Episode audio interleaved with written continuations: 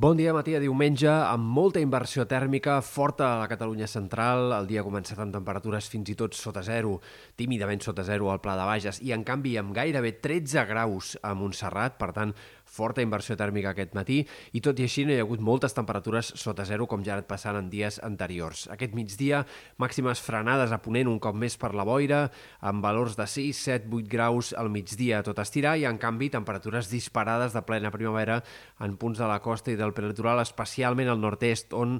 es podria arribar fins i tot als 25 graus en algun punt de l'Empordà, del Rosselló, de la Garrotxa, aquest migdia de diumenge. Dia de sol i de boires, en tot cas, eh, persistents com dèiem, en molts sectors de Ponent, i de cara als dies vinents hem de destacar que començaran a arribar alguns petits canvis. De moment aquest dilluns sol i boires encara, temperatures lleugerament a la baixa, però amb un ambient molt similar al d'aquest cap de setmana. Dimarts sí que arriba una massa de núvols que començarà a tapar el cel i això farà que baixin les temperatures diurnes. Eh, però no, no serà un canvi tampoc especialment destacable. Dimecres i dijous seguirà sent l'ambient força suau per l'època encara i serà a partir de divendres i el cap de setmana que ve en què entrarà una massa d'aire més fred que ens tornarà un ambient més purament d'hivern. No esperem una gran baixada de les temperatures, però sí una normalització del termòmetre i un retorn a l'ambient més normal del mes de febrer, que durarà un parell o tres de dies i després segurament hi haurà noves oscil·lacions de la temperatura. Pel que fa a l'estat del cel, esperem canvis més importants a partir de dijous i sobretot de cara a divendres i al cap de setmana, moment en el qual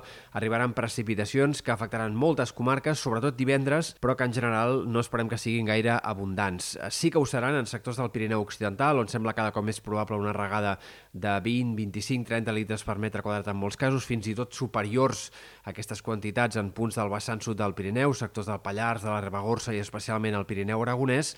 i en canvi a la resta doncs, segurament serà una regada d'entre 5 10 litres per metre quadrat en tot cas i fins i tot en algunes comarques de l'extrem nord-est o de les Terres de l'Ebre ni això, quantitats encara menys importants. Eh, evidentment encara falten dies, ho haurem d'anar concretant, però més aviat aquesta seria una mica, aquest seria el decorat que es va dibuixant de cara a aquestes tongades de precipitacions que tindrem a la segona part de la setmana que ve. La neu, això sí, tornarà a emblanquinar amb força al Pirineu Occidental. La cota de neu encara és aviat per precisar-la, però serà una nevada eh, de cotes mitjanes i altes segur i fins i tot en alguns moments potser de cotes més baixes i per tant eh, doncs, cal esperar un canvi de temps que ens torni a l'hivern, que no ens salvin en cap cas de la sequera, però sempre millor això que no per res.